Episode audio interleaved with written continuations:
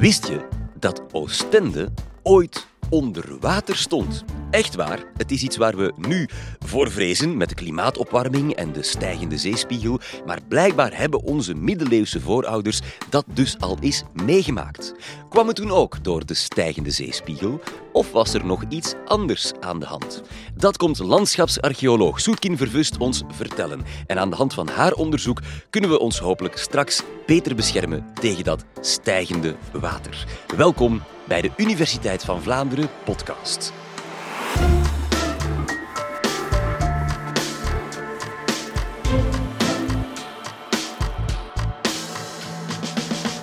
Soetkin, welkom. Jij bent landschapsarcheologe. Hoe ziet de werkdag van een landschapsarcheologe eruit?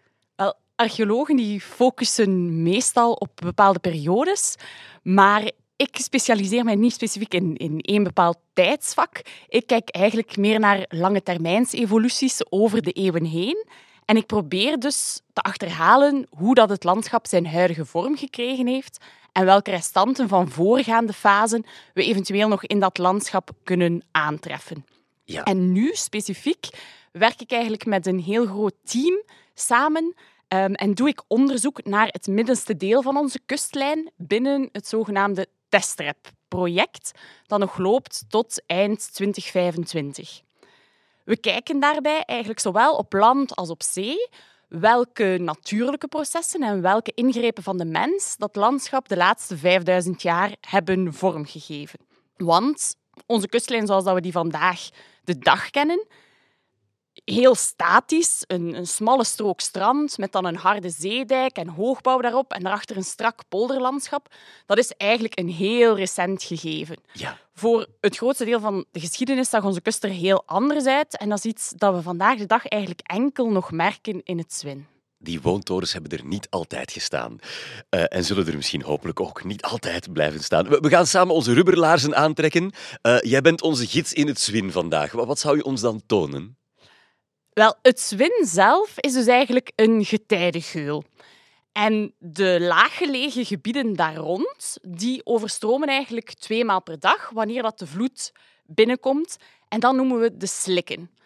Wanneer dat de zee dan die slikken overstroomt, zet die ook altijd een heel fijn laagje zand en slip af. En dat zorgt ervoor dat die slikken geleidelijk aan gaan ophogen en op een bepaald punt een niveau bereiken waarbij dat ze niet meer elke dag gaan overstromen, maar enkel nog bij echt hoog water, bijvoorbeeld bij een storm. En dan spreken we van schorren. En op zo'n schorren kan er dus vegetatie beginnen groeien die tegen dat zout milieu kan. En die vegetatie zorgt er ook voor dat er nog meer sediment wordt opgevangen, fungeert als een soort vangnet. En uw landschap slipt dus verder op. Wanneer dat het zo hoog is opgeslipt dat de zee er niet meer over gaat, kan er zich in de ondergrond een zoetwaterlens ontwikkelen en krijg je bovengronds een rietmoeras. Dat riet vergaat dan en vormt dan veen. Veen is eigenlijk plantencompost die ontstaat in natte omstandigheden. Dus dat is zo'n beetje heel kort het soort dynamische getijdenlandschap dat eigenlijk de natuurlijke gesteldheid is van onze kust en dat zich hier voor het eerst heeft ontwikkeld zo'n 8000 jaar geleden pas. Want je moet je realiseren dat 20.000 jaar geleden dat we dan nog in een ijstijd zaten en dat het hier dus heel wat kouder was. Heel veel van dat water zat vast in ijsvorm en zodoende lag de globale zeespiegel ook gigantisch veel lager dan vandaag de dag, zo'n 130 meter lager dan vandaag. Wat dat ervoor zorgt dat die Noordzee eigenlijk gewoon een, een vlakte was. Dat er Ja, daar van een zee geen sprake was. Aan het einde van die ijstijd, het klimaat begint op te warmen en uw ijs smelt en de zee komt geleidelijk aan onze richting uit. Aanvankelijk heel snel, zo'n 7 mm per jaar. En 8000 jaar geleden bereikt hij dus onze kustlijn en dan begint die snelheid van die zeespiegelstijging geleidelijk aan te vertragen, totdat we zo'n 5000 jaar geleden uitkomen op ongeveer gemiddeld genomen een millimeter per jaar. En dat is zo wat de snelheid die we dan eigenlijk hebben aangehouden tot begin 20e eeuw. Nu, met de door de mens geïntroduceerde klimaatopwarming, is die snelheid opnieuw aan het toenemen. Zitten we al aan een verdubbeling, 2 mm per jaar. En dat zal nog toenemen de komende eeuwen. Dus vandaar dat we met ons project ook echt focussen op die laatste 5000 jaar. snelheid van de zeespiegelstijging blijft constant, dus kunnen we meer gaan uitzoeken welke andere factoren spelen er dan een rol bij landschapsvorming. En zeker de laatste duizend jaar is dat eigenlijk vooral de mens geweest die zijn stempel echt op dat landschap heeft gedrukt. Dus inderdaad een redelijke jonge geschiedenis van dat landschap. Duizend jaar terug in de tijd, als we daar dan zijn aanbeland, hoe ziet het er op dat moment uit, dat kustlandschap? Dan moet je het je dus echt voorstellen als een reuzegroot zwin eigenlijk. Dus vol van die getijdengeulen die diep kilometers ver het land binnendringen, dat zeewater meenemen en afzetten op die slikken en die schorren. En centraal in onze kustvlakte, dus het gebied dat wij bestuderen met ons project, bevond er zich ook zo'n grote geul die eigenlijk quasi parallel met de kust liep en die op een bepaald moment toch wel ongeveer een kilometer breed was. Dus dat is al dubbel zo breed als de breedte van de Schelde vandaag de dag ter hoogte van Antwerpen. Dus dat was echt ja, een enorme watermassa in dat landschap. En in het westen sloot die geul aan op de IJzer. En in het oosten gaf die uit op een, een zandige vlakte, een zandwad, ter hoogte van de huidige stad Oostende. En dat zandwad dat kwam dan enkel bij vloed onder water te staan. Dus op die manier bakende die geul eigenlijk een hele langgerekte strook land af, die niet meer in verbinding stond met het binnenland. En dat eiland dat droeg de naam Testrep. En vandaar dus ook de naam van ons project, vernoemd naar dat eiland Testrep. Trouwens, de nederzettingen die zich op dat eiland bevonden, waren Westende aan het westelijke uiteinde, Oostende aan het oostelijke uiteinde en Middelkerken in het midden van dat eiland. Dus die namen komen vandaar. Ja. Ja. Je, je hebt er zelfs een hele landkaart van meegebracht. Er was dus geen Oostende op dat moment, maar het stond wel dus regelmatig onder water. Hoe gingen de middeleeuwers daarmee om? Ja, je kan daar niet zomaar even wat landbouwgrond aanleggen, bijvoorbeeld. Werd dat gebruikt, dat gebied? Zeker, men paste zich eigenlijk aan aan de natuurlijke gesteldheid van dat gebied. Qua bewoning betekende dat dat je je vestigde op hoger gelegen gronden, die je soms ook gewoon zelf ging aanleggen. Dat zijn dan zogenaamde terpen, zoals dat Leffingen in oorsprong ooit een terpnederzetting is geweest.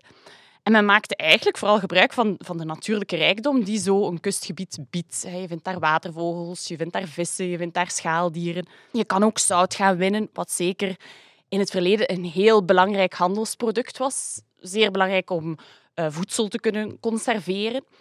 In zo'n kustvlakte vind je, zoals ik eerder zei, ook veen. En veen was in het verleden een heel belangrijke brandstof. Zeker in zo'n kustvlakte waar je weinig bomen hebt, dus ook weinig hout, is veen een heel belangrijk alternatief. Bovendien zijn die schorren die je daar vindt ook ideale graasgronden voor schapen. En die werden dus ook op grote schaal gehouden, zowel voor hun vlees als voor hun wol. Dus de schaapsboeren die je toen aantrof in die kustvlakte, die verhandelden die wol ook met het hele Noordzeegebied. Je moet je voorstellen dat dat echt een, een heel belangrijke handelshub was, dat je van op zee eigenlijk vanuit Vlaanderen op twee à drie dagen in, in Denemarken stond, wat dat je over land natuurlijk veel meer moeite kostte. Ja, economisch dus een belangrijk en bloeiend gebied. Die brede vaargeul met dat grote eiland Testerep dat dan voor onze kust lag. Ja, dat zijn we kwijt, dat is verdwenen. Waar is, waar is Testerep naartoe? Wel, we zien eigenlijk dat er een belangrijke verandering in dat landschap aanbreekt ongeveer vanaf de 10e eeuw, omdat op dat moment de graven van Vlaanderen komen opzetten als de nieuwe machthebbers in dat gebied. En zij gaan zich onder andere in de kustvlakte heel veel gronden gaan toe-eigenen. Ze kunnen dat doen op basis van een koninklijk recht, het zogenaamde wildernisregaal. Dat wil zeggen dat ze dus recht hadden op alle gronden die nog wild waren. Dus onontgonnen waren. Denk bossen, denk ook schorren, die nog maar net opgeslipt zijn en die dus nog op dat moment nog niet door andere boeren gebruikt worden.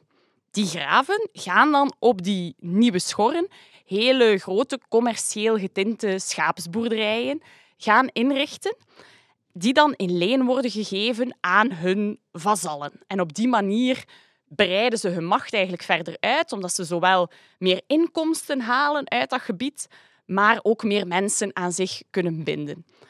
En om die inkomsten van dat gebied nog te, verder te optimaliseren, gaan ze ook beginnen met die nieuwe boerderijen te beschermen door dijken aan te leggen. Nu, stel u daar zeker geen dijken voor zoals dat we die vandaag de dag kennen. Een dijk die pal op de kustlijn ligt, op het strand eigenlijk. Dat was in de middeleeuwen niet het geval. Die dijken lagen allemaal in het binnenland. En dat start eerst met ringvormige dijkjes, gewoon rond die boerderijen zelf. Maar dan geleidelijk aan worden dat meer langgerekte dijken langsheen die geul, die op de duur helemaal bedijkt wordt. Dat heeft dan tot gevolg dat het zeewater dat in die geul zit en dat beladen is met dat zand, met die klei, dat dat zeewater zich niet meer kan uitspreiden over de gronden er rond. Dat dat sediment dus allemaal in die geul blijft zitten en dat die geul geleidelijk aan dichtslipt. Uiteindelijk wordt dan ook de beslissing genomen van die natte gronden hier, we zijn daar landbouwgewijs niets mee.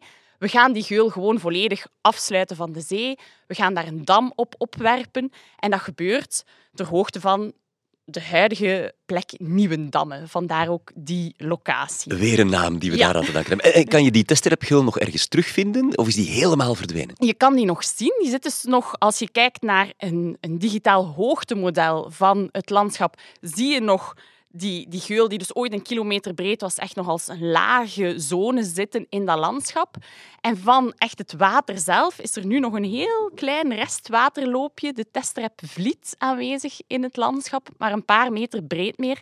En je kan daar bijvoorbeeld in de zomer op gaan kajakken. Dat is een aanrader. Ja, de moeite om eens te gaan ontdekken. Maar dus, uh, vanaf de 10e eeuw, die graven, het, het is nog niet de souvenirwinkels en de billenkarren, maar wel um, een, een, een serieuze verandering in dat landschap, waar eerst de zee vrij spel had en nu wordt het eigenlijk door de mens uh, bedijkt en in akkers getrokken. Dus dat, dat is een hele grote verandering. Ja, klopt als je daar nog wat verder over nadenkt, dat heeft inderdaad een aantal belangrijke consequenties.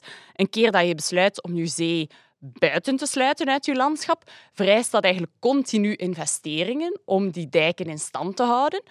Maar moet je ook over manieren gaan nadenken om niet alleen te zorgen dat je zeewater je landbouwgronden niet overspoelt, maar dat ook je regenwater dat in het binnenland valt, je gronden niet overspoelt. Dat dat regenwater nog altijd naar de zee kan.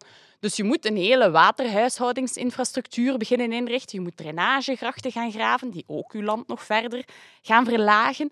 Dus heel veel investeringen, constant gevaar voor overstromingen. En we zien dat die kleine boeren op den duur die investeringen ook niet meer aankunnen en dat die stelselmatig uit het landschap verdwijnen. Bovendien, als je niet meer een geul hebt waarmee je met je boot een aantal kilometer landinwaarts kan gaan dringen, dan moet je, als je nog in contact wil staan met de zee, je eigenlijk echt op de kustlijn gaan vestigen. Maar opnieuw, daar zit je veel kwetsbaarder voor overstromingen bij stormen, want doordat je water zich dan niet meer kan gaan uitspreiden over een volledige kustvlakte, beukt die zee des te harder in op je kustlijn. Normaal gezien heb je daar dan ook nog wel een natuurlijke beschermingsgordel, zijn de, de duinen. Maar ook die duinen zijn, onder andere met de komst van de graven, feller geëxploiteerd beginnen worden. Men liet daar massaal ook dieren in, in grazen. En de graven hebben daar bijvoorbeeld ook in de 12e en 13e eeuw op grote schaal het konijn geïntroduceerd om daarop te jagen. Konijn, hier geen inheemse soort, komt oorspronkelijk uit Noord-Afrika oh en Spanje. Dus die duinengordel is eigenlijk ook al niet in optimale conditie. En we zien dat men zeker vanaf de 13e, 14e eeuw ook heel veel last krijgt van, van duinen die gewoon hele nederzettingen overstuiven en landbouwgronden overstuiven. En men gaat dus ook dan beginnen met dijken aan te leggen achter de duinen in een poging om die op hun plaats te houden. Dus eigenlijk, vanaf dat men start met die dijkenaanleg, krijg je een hele verandering van mindset. Overstromingen die daarvoor een heel natuurlijk gegeven waren in een kustvlakte, worden nu ineens echt iets, iets problematisch, iets rampzalig, dat men zoveel mogelijk probeert tegen te houden. En dan een heel treffend voorbeeld daarvan is middeleeuws Oostende, waarmee dat we de podcast hier begonnen zijn. Oostende wordt eigenlijk in 1266 gesticht onder impuls van uh, de gravin van Vlaanderen als een nieuwe belangrijke grafelijke markt- en havenstad, pal op de kustlijn, maar krijgt al heel, heel snel te lijden onder overstromingen En in 1394, dus nog geen 130 jaar na de stichting, volgt de genadeslag met de Sint-Vincentiusstorm, die echt die volledige stad onder water zet. En er zit niets anders op dan die stad gewoon te gaan verhuizen en te gaan heropbouwen verder landinwaarts. En Oostende is daar dus één voorbeeld van. Maar eigenlijk is dat het verhaal van heel dat eiland. Ehm, heel dat zeewaartse deel van Testrep wordt meter per meter opgeslokt en, en verdwijnt eigenlijk grotendeels onder de golven. Wat fascinerend dat het Oostende dat we vandaag kennen Oostende 2.0 is. Ze hebben het ooit elders geprobeerd. En inderdaad, ook die mindset verandert. Overstromingen, ook iets waar we vandaag heel erg mee bezig zijn. Laat ons dan eens fast forwarden naar vandaag. Wat leert jouw onderzoek ons over hoe we onze kustlijn kunnen beschermen? Um, we werken eigenlijk op verschillende vlakken. Zoals gezegd, ik ben zelf een, een archeologe van de VUB. Wij zijn bezig met het verzamelen van allerlei nieuwe data op land. Terwijl dat onze tegenhangers, de marinewetenschappers van het Vlaams Instituut voor de Zee, bezig zijn met data te verzamelen op zee. En wat houdt dat dan precies in? We scannen onder andere de ondergrond. We proberen te achterhalen waar dat niet alleen die testrepgeul, maar ook allerlei zijgeulen zich precies bevonden in het landschap. Hoe ver dat testrep zich ooit in zee heeft uitgestrekt. We zijn ook op zoek naar sporen van dat eerste middeleeuwse Oostende onder de zeebodem. We doen opgravingen van oude dijken om te achterhalen hoe oud dat die precies zijn en in wat voor soort omstandigheden dat die opgericht zijn. En we nemen bijvoorbeeld ook boorkernen meters diep in de ondergrond om die vroegere zeeafzettingen te gaan dateren en te kijken hoe snel dat uw land eigenlijk ophoogt als je die zee vrij spel geeft. Dus al die nieuwe data die we aan het verzamelen zijn, die brengen we dan samen in reconstructiekaarten van het landschap op verschillende momenten in het verleden. En die spelen we dan door aan onze collega's van de KU Leuven, de waterbouwkundig ingenieurs, die daar dan hun wiskundige modellen op loslaten, die simulaties doen van de werking van de zee. Dus zij kunnen getijden en golfslag en wind aanpassen en dan zien wat voor effect dat, dat heeft op het landschap. Om dus hypotheses te testen van hoe is Testrep ooit tot stand gekomen? Hoe is het dan uiteindelijk ook volledig weggeërodeerd? Welke impact heeft dat als je zo'n geul gaat bedijken en dan uiteindelijk gaat afdammen, etc. Dus we willen echt inzicht krijgen in hoe dat op de lange termijn dat zandtransport langs de kust juist zat, welke plekken zie je dat er sedimentatie gebeurt. Op welke plekken krijg je daarentegen juist erosie? Wat zijn echt de kwetsbare punten en wat kunnen we daaruit leren voor vandaag de dag en ook naar de toekomst toe qua kustbescherming? Nu, dat is natuurlijk allemaal nogal abstract. Dus wat dat we tenslotte ook doen, is die wiskundige modellen proberen om te zetten. Dat doen onze collega's van HoWest, Digital Arts and Entertainment. Zij zijn ontwikkelaars van computergames. En zij maken nu in het kader van ons project allerlei 3D-visualisaties van dat verdwenen landschap en simulaties van hoe dat het doorheen de tijd veranderd is. Indrukwekkende samenwerking van al die instituten. Je zou denken, ja, dan moet de boodschap toch wel aankomen. Zijn wij gealarmeerd genoeg wat kustbescherming betreft? Wel, we werken in ons project dus ook nauw samen met mensen van de beleidskant, van de kustbeschermingskant. En zij vertellen ons dat daar eigenlijk wel echt nood aan is aan het creëren van meer bewustzijn, omdat dat voor ja, de modale burger eigenlijk heel moeilijk is om te vatten van ja, we zijn nu aan het gaan van een zeespiegelstijging van een millimeter naar twee millimeter per jaar. Zoiets percipieer je natuurlijk niet zo gemakkelijk. Nochtans is het echt wel zo dat onze kust vandaag de dag volledig losgekoppeld is van de meer natuurlijke werking van de zee. Door die dijken te gaan bouwen hebben we geen sedimentatie meer toegelaten. Dus ons land is eigenlijk een soort badkuip geworden. Die polders liggen echt gevaarlijk laag. Zeker nu dat onze zeespiegel altijd maar sneller stijgt. Dus je hebt enerzijds, zoals ik al zei, dat gevaar voor overstromingen vanuit zee. Tegelijkertijd ook gevaar voor overstromingen vanuit het binnenland. Want je krijgt je binnenlandswater eigenlijk enkel nog naar de zee bij eb als je zeeniveau laag genoeg staat.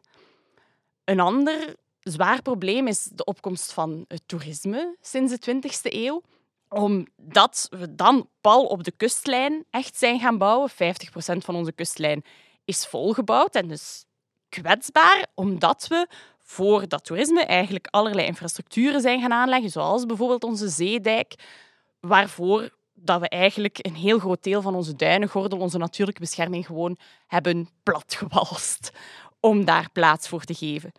Dus in de toekomst zal het vooral zaak zijn om meer mee te werken met de natuur. We noemen dat zogenaamde nature-based solutions.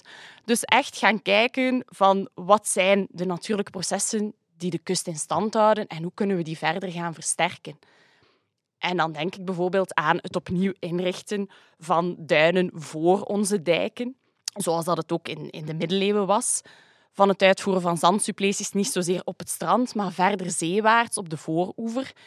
Je kan er ook over nadenken om bepaalde zones gewoon gecontroleerd te laten overstromen, zodat er daar opnieuw sedimentatie gebeurt en dat die zones hoger komen te liggen je kan er zelfs over nadenken om opnieuw een soort eiland te creëren voor de kust en dat als zandmotor te laten dienen voor onze volledige kustvlakte. Dus dat zijn allemaal pistes die reeds onderzocht worden um, vanuit Vlaanderen, waar er al heel veel geld naartoe gaat. En wij hopen daar vanuit ons project een meer historisch perspectief ook nog aan te geven. Ik kan nog twee wilde vragen stellen. Waar komt de naam Testerep eigenlijk vandaan? Dat is een heel opvallende naam. Testerep is eigenlijk een Romaanse naam waarschijnlijk, verwijst naar Dextra en Raipa. Een samentrekking daarvan en dat zou slaan op westelijk gelegen strook land. Wat romantisch. Zou jij nog met een gerust hart investeren in een appartementje met zeezicht op de dijk, in Oostende bijvoorbeeld? Wel, ik ben er zeker van dat er vanuit Vlaanderen dat men investeringen blijft doen om onze, om onze kust verder te beschermen. Maar ik zou er misschien wel over nadenken om, als ik dan een appartementje neem, om het niet op de benedenverdieping te doen. Vooral als er dan een duin komt te liggen, ga je je zeezicht wel kwijt zijn, denk ik. Dankjewel voor deze belangrijke en fascinerende inzichten, Soetkin. De ondergang van een middeleeuws eiland bestuderen om dan vandaag onze kust een duurzame toekomst te geven. Dat is wetenschap in actie. Wil je trouwens weten hoe een oester uit de Noordzee het klimaat kan voorspellen? Scroll dan even naar aflevering 448 van deze podcast met paleoclimatoloog Niels de Winter. Heel graag tot daar of tot een volgende keer.